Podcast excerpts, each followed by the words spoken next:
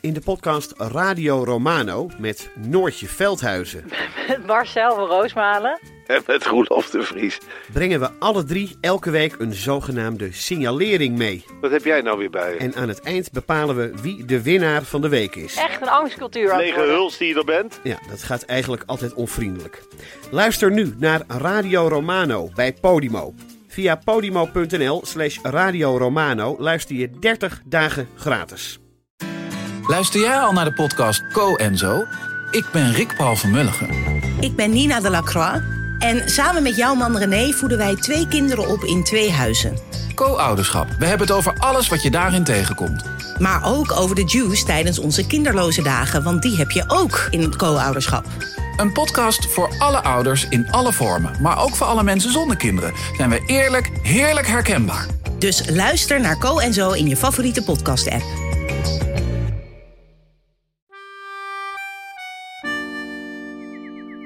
Welkom bij aflevering 64 van Man met de microfoon. En zoals jullie weten, dit jaar laat ik mij leiden door de zogenaamde Canarieboekjes. Een soort zelfhulpboeken avant la lettre. Ze verschenen vanaf de jaren 30 tot en met de jaren 50 van de vorige eeuw. En eh, ik heb het al een beetje aangekondigd. Ik ga nu afscheid nemen van de Canarieboekjes. Maar dat wil ik graag met jullie doen. En dan zoek ik eigenlijk verhalen rondom zelfhulpboeken die jullie zelf gelezen hebben. Of niet. Want misschien heb je ooit van iemand een hele goede raad gekregen. Lees dit boek. En heb je dat niet gedaan, deed je wel alsof. En van het een kwam het ander. En toen, ja, dat verhaal zoek ik. Maar misschien heb je een boek gelezen wat je juist een zetje gaf in de goede richting. En was dat misschien maar één enkele zin die werkte? Of was het een belangrijk boek in een bepaalde periode?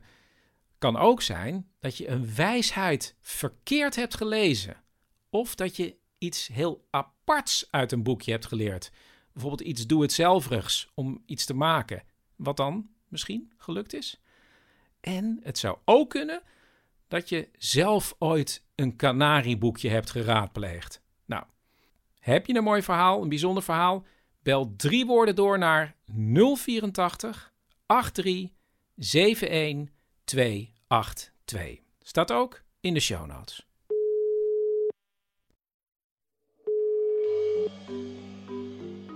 Met Maartje. Hey Maartje met Chris. Dit is Maartje, een goede vriendin en mijn oude onderbuurvrouw. En ehm, zij heeft me ooit een boek aangeraden wat diepe indruk op me heeft gemaakt. Alleen al die titel, Luxe Geheimen heette het. En het was een kookboek. Maar hoe het nou bij Maartje terecht is gekomen? Ja, ik weet ook niet meer hoe ik eraan kwam. Maar het was een boek. Ja, eigenlijk zou je nu gewoon zeggen een low carb dieet. Maar op de een of andere manier hadden ze daar met gouddraad en goud op snee een heel eigen leuk wassenaars eh, tintje aangegeven. Eh, het was dus een kookboek, eh, een dieetboek, maar je mocht het geen dieet noemen. Het, ging, het was een levensstijl, een luxe levensstijl die je ging aanmeten. En Maximiliaan, dat was een zwaarlijvige ja, wa- wassenaarder. En eh, die, eh, die moest van zijn, eh, zijn kilo's af en die was Margot tegengekomen, een diëtiste. En samen hadden zij dus een levensstijl ontwikkeld waar diplomaten, royals en ambassadeurs of zo, ik weet niet precies, maar in ieder geval in de hogere kringen bleef men daar slank bij. Maar het zou niet chic zijn om de namen te noemen. Precies, precies. Ja. en die mochten dan gewoon witte wijn blijven drinken. En Prosecco. Ik weet En ook ik nog... zag het helemaal voor me. Ik dacht, Maxima doet dit. Ja, dat dacht ik ook. Ik, ja. Ja. dat, he- ik, ik, eh, toen ik het volgde, zou ik maar zeggen, dat dieet, want dat was het eigenlijk. Toen, Tuurlijk. toen, toen eh, ja, droomde ik ook een beetje weg in die diplomatenwereld. Eerlijk gezegd, als ik heel eerlijk ben. Precies. Oh ja, en dan had je ook één dag dat je alles mocht. Ja. Eh, dat, dat mocht, maar dan was altijd daarna de vraag: maar hoe voelt u zich nu? Zo van, mama is niet boos, mama is Teleurgesteld. teleurgesteld. Ja. Ja. Maar het werkte als een tierenlier. Ik ben er twee jaar slank door gebleven. Ja, nee, de kilo's vlogen bij ons allebei ervan af, weet ik te Zeker. Ja. Ik heb nog foto's uit die tijd. Kijk ik graag, graag naar terug.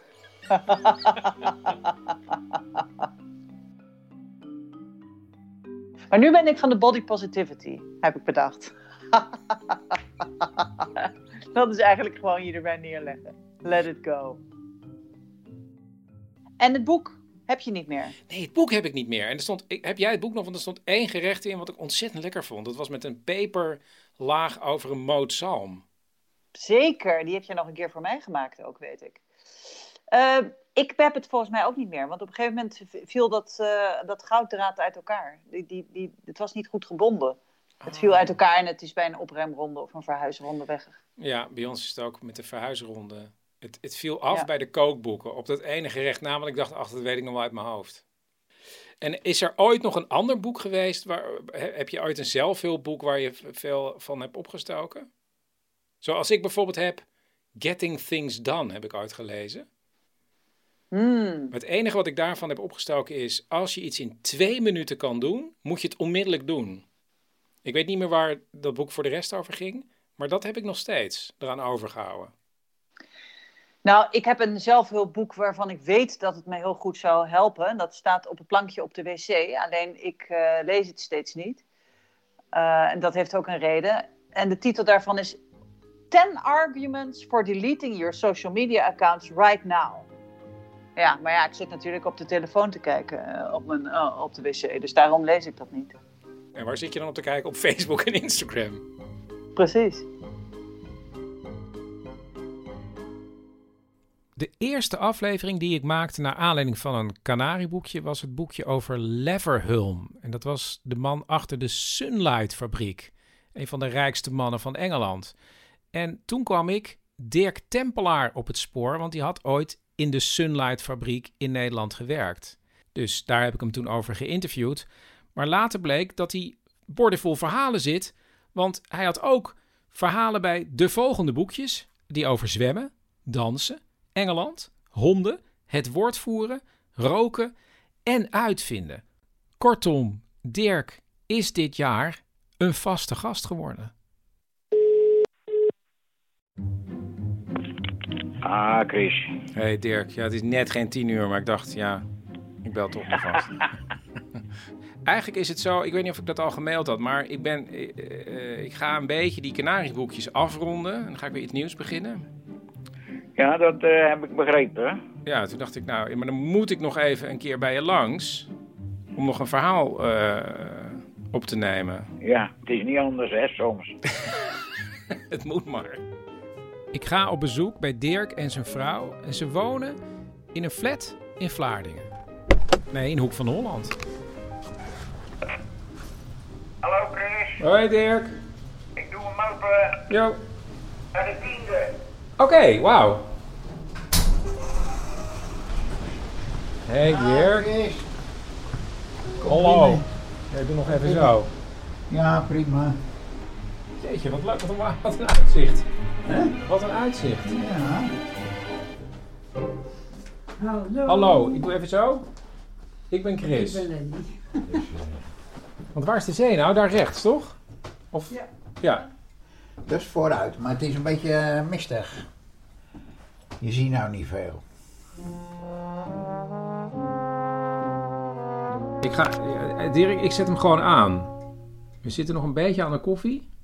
Ik kom even bij je zitten dan. Dan hengel ik je zo.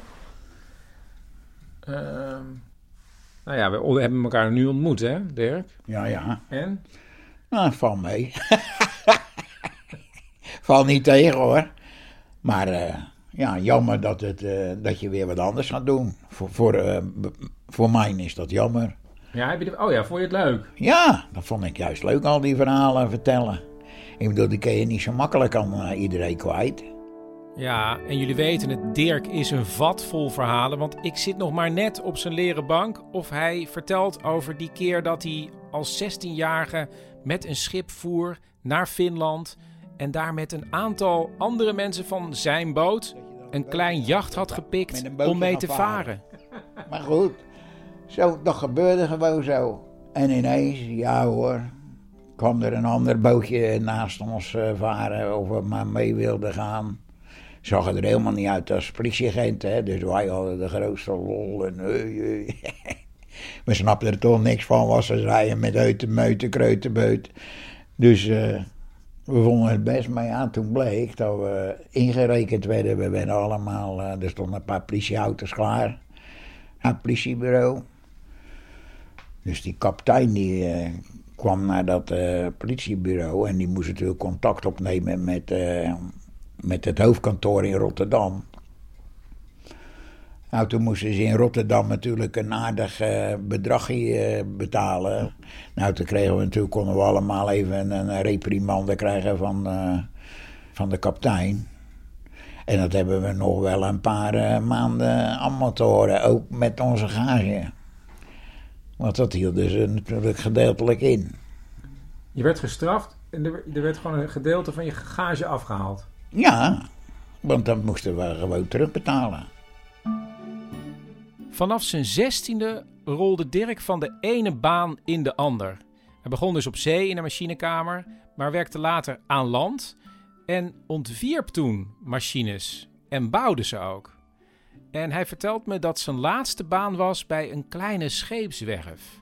Hij is nu in de 70, maar wanneer stopte hij met werken?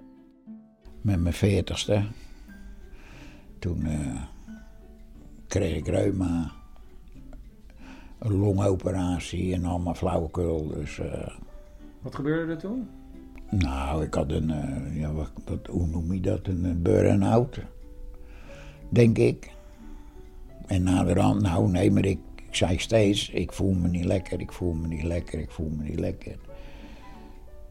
En omdat ik slecht werk had gedaan altijd, lasser, uh, gevelreiniging heb ik gedaan, heel de kleren, wat, wat heb ik niet gedaan. Dus eh, ik zeg, ik eh, wil dat er foto's worden gemaakt van mijn longen. Nou, dat liep natuurlijk gelijk eh, falikant verkeerd af. Want? Want er waren plekjes te zien. Dus, eh, nou, toen hebben ze dat eh, gerepareerd. maar toen eh, had ik niet zoveel puff meer. Toen, Maar wat voor vlekjes waren dat dan? ja, polypen. Polypen op mijn longen. Dat komt nooit voor. Nou, dat hebben ze toen eh, weggehaald. Toen ben ik gewoon weer gaan werken, maar dat, dat wilde niet. Mijn baas zei toen, ja, dat gaat niet goed zo, met jou. Nou, zo is het geëindigd.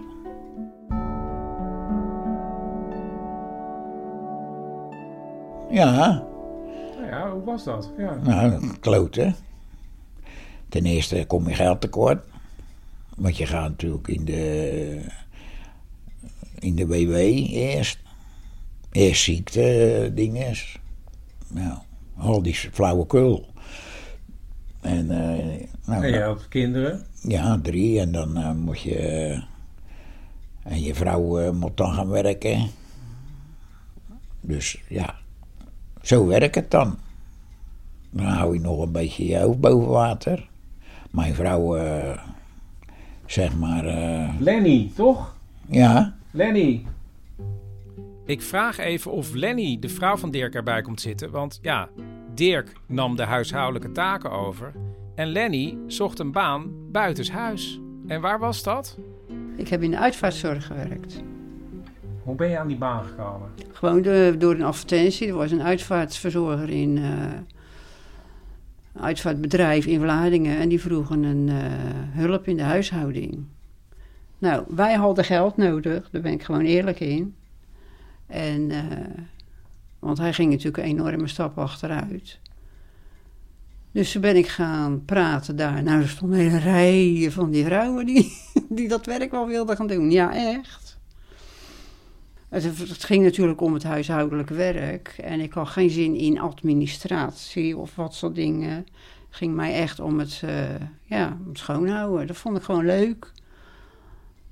En eh, ja, en eh, ik hoor je dat wel. Ik zeg, kan ik dat wel? Ik heb een heel gezin, dat wat ik al jaren draaiende hou. Dus dat kan ik best wel. Nou, ik heb twintig jaar volgehouden. En dus ging Lenny een aantal ochtenden in de week schoonmaken. En Dirk, Dirk was opeens thuis. en eh, je loopt eigenlijk iedereen in de weg thuis. In het begin. Waar, hoe liep je dan in de weg? Je wist bij God niet wat je moest doen. Nou ja, Nee, dat, eh, dat was moeilijk. Want eh, ja, je moet iets zoeken om bezig te blijven natuurlijk. Dus dan is hij overgestapt op koken. Ja, sinds die tijd heb ik alleen maar gekookt. En wat is, oh, maar wat maak je het liefste klaar eigenlijk? Nou, wel eens. eh, ik zeg altijd, ik maak Chinees wel eens. Maar zoals de Chinees het maakt, krijg ik het nog nooit voor elkaar, weet je wel. Maar dan doe je dan één keer maak je Chinees en de, en de week erop of veertien dagen later ga je het halen. Hè? Dat is ook makkelijk. dan proef je toch weer eens hoe het echt is.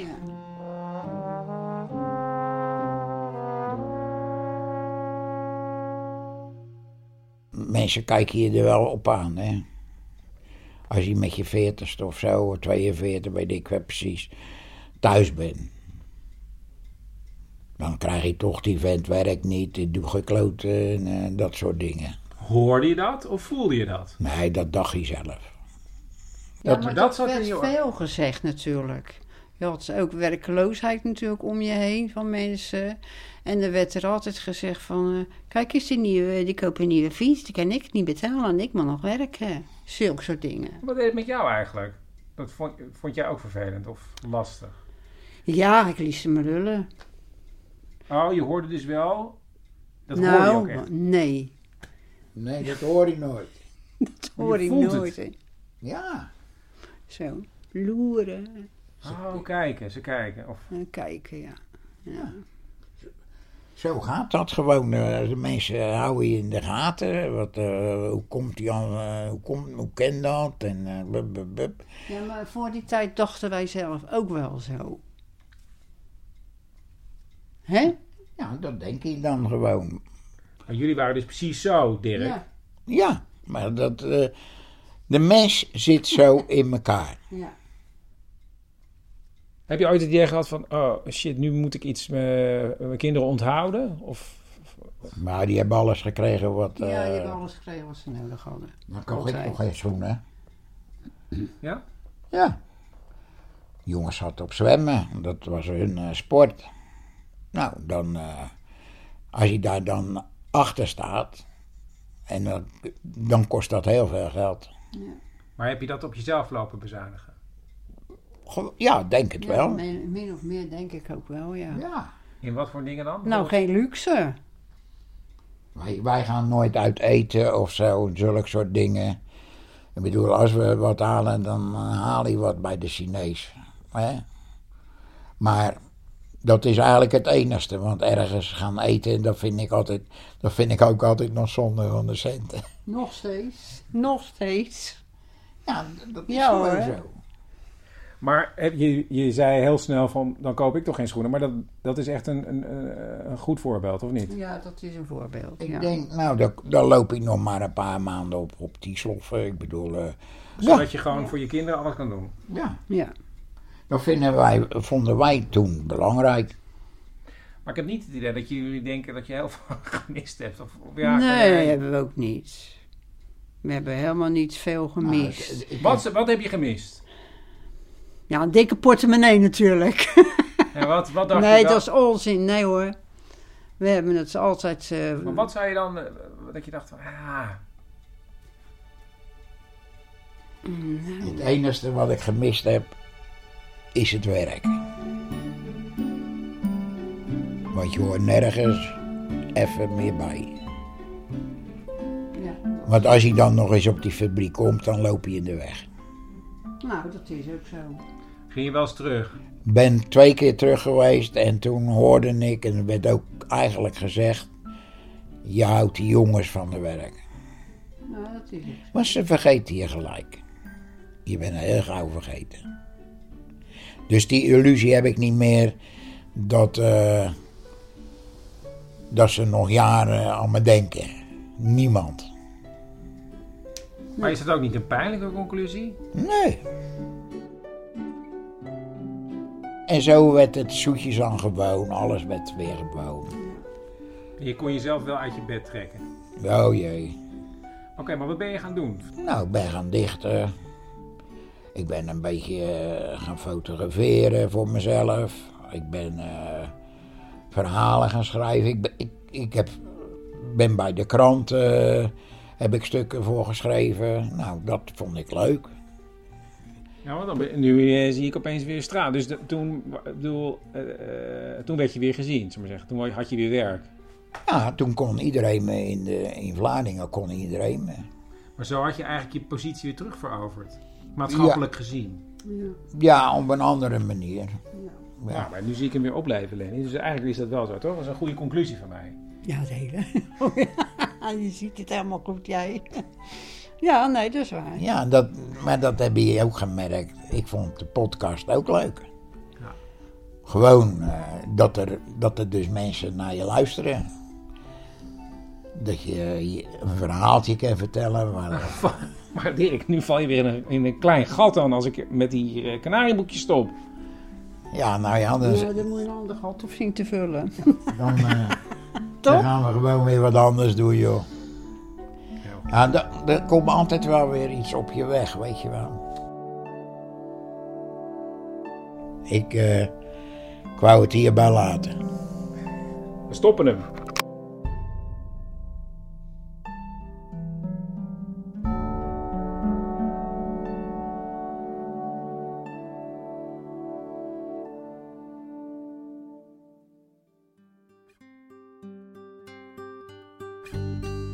Dit was aflevering 64 van Man met de Microfoon. Man met de Microfoon wordt mede mogelijk gemaakt door Theater de Kleine Comedie in Amsterdam. Ga naar dekleinecomedie.nl en trakteer jezelf en iemand anders op een leuke voorstelling. Heb je een verhaal rondom een boek wat belangrijk is geweest, waar je wijsheid al dan niet van hebt opgestoken? Nou ja, laat het weten. Drie woorden naar 084 8371 282. Er komt nog zo wat. En laat sterretjes achter, hè? overal. Ik weet, op alle plekken.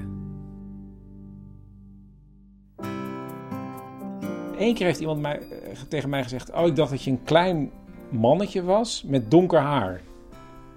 Wat Ja. was ik voor mannetje in jouw hoofd? Ja, korter in ieder geval. Niet, niet die lengte. En voor de rest gewoon een normale vent.